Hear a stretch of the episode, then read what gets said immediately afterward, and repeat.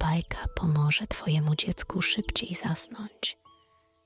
Jednocześnie odkryje ono, że każdy z nas może popełniać błędy. Lulu to bajki stworzone, aby edukować i wyciszać dzieci przed snem.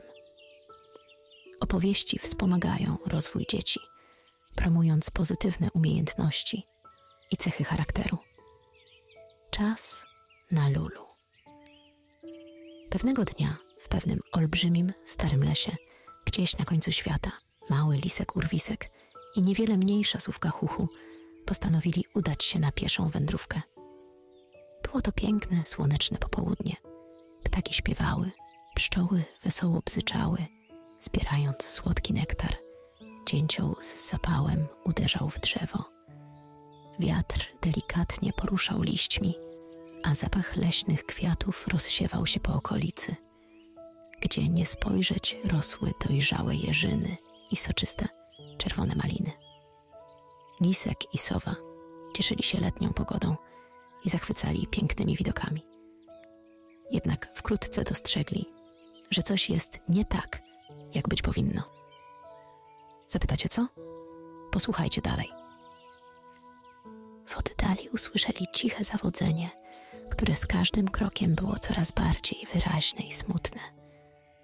Słyszeli donośny płacz z różnych stron.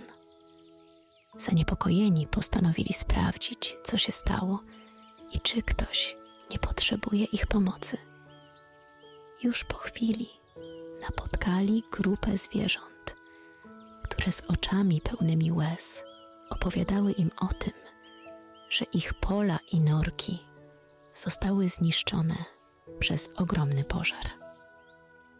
Niewiele myśląc, lisek urwisek i sowa chuchu postanowili pomóc zwierzętom, które straciły praktycznie wszystko.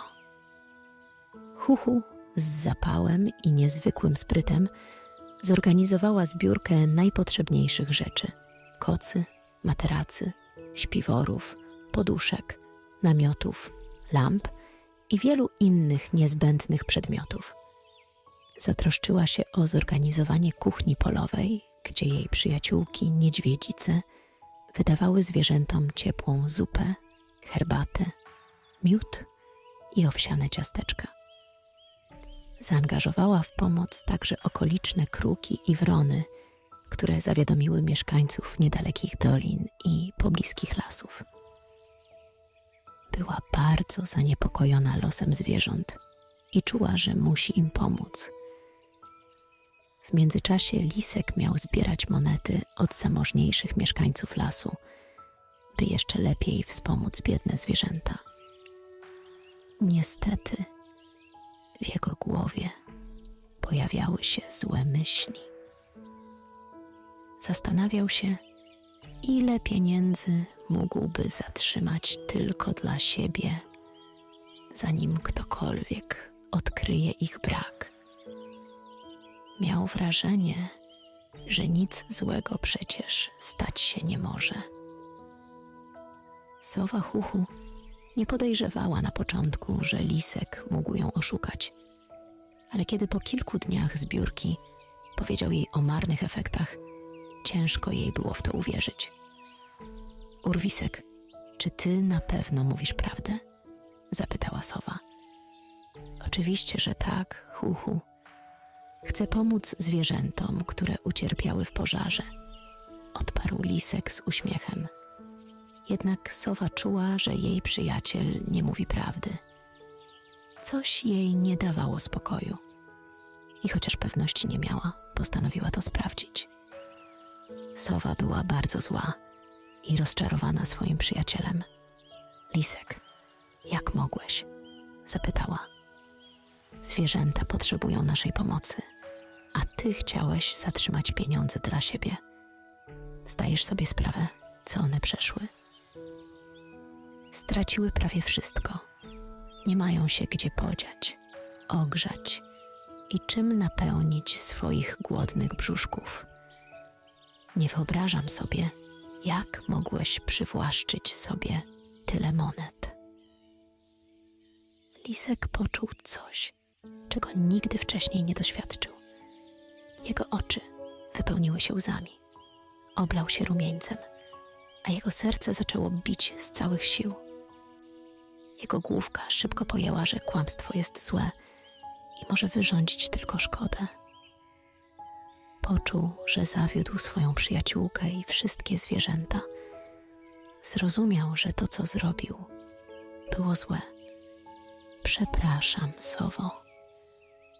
Wiem, że źle postąpiłem.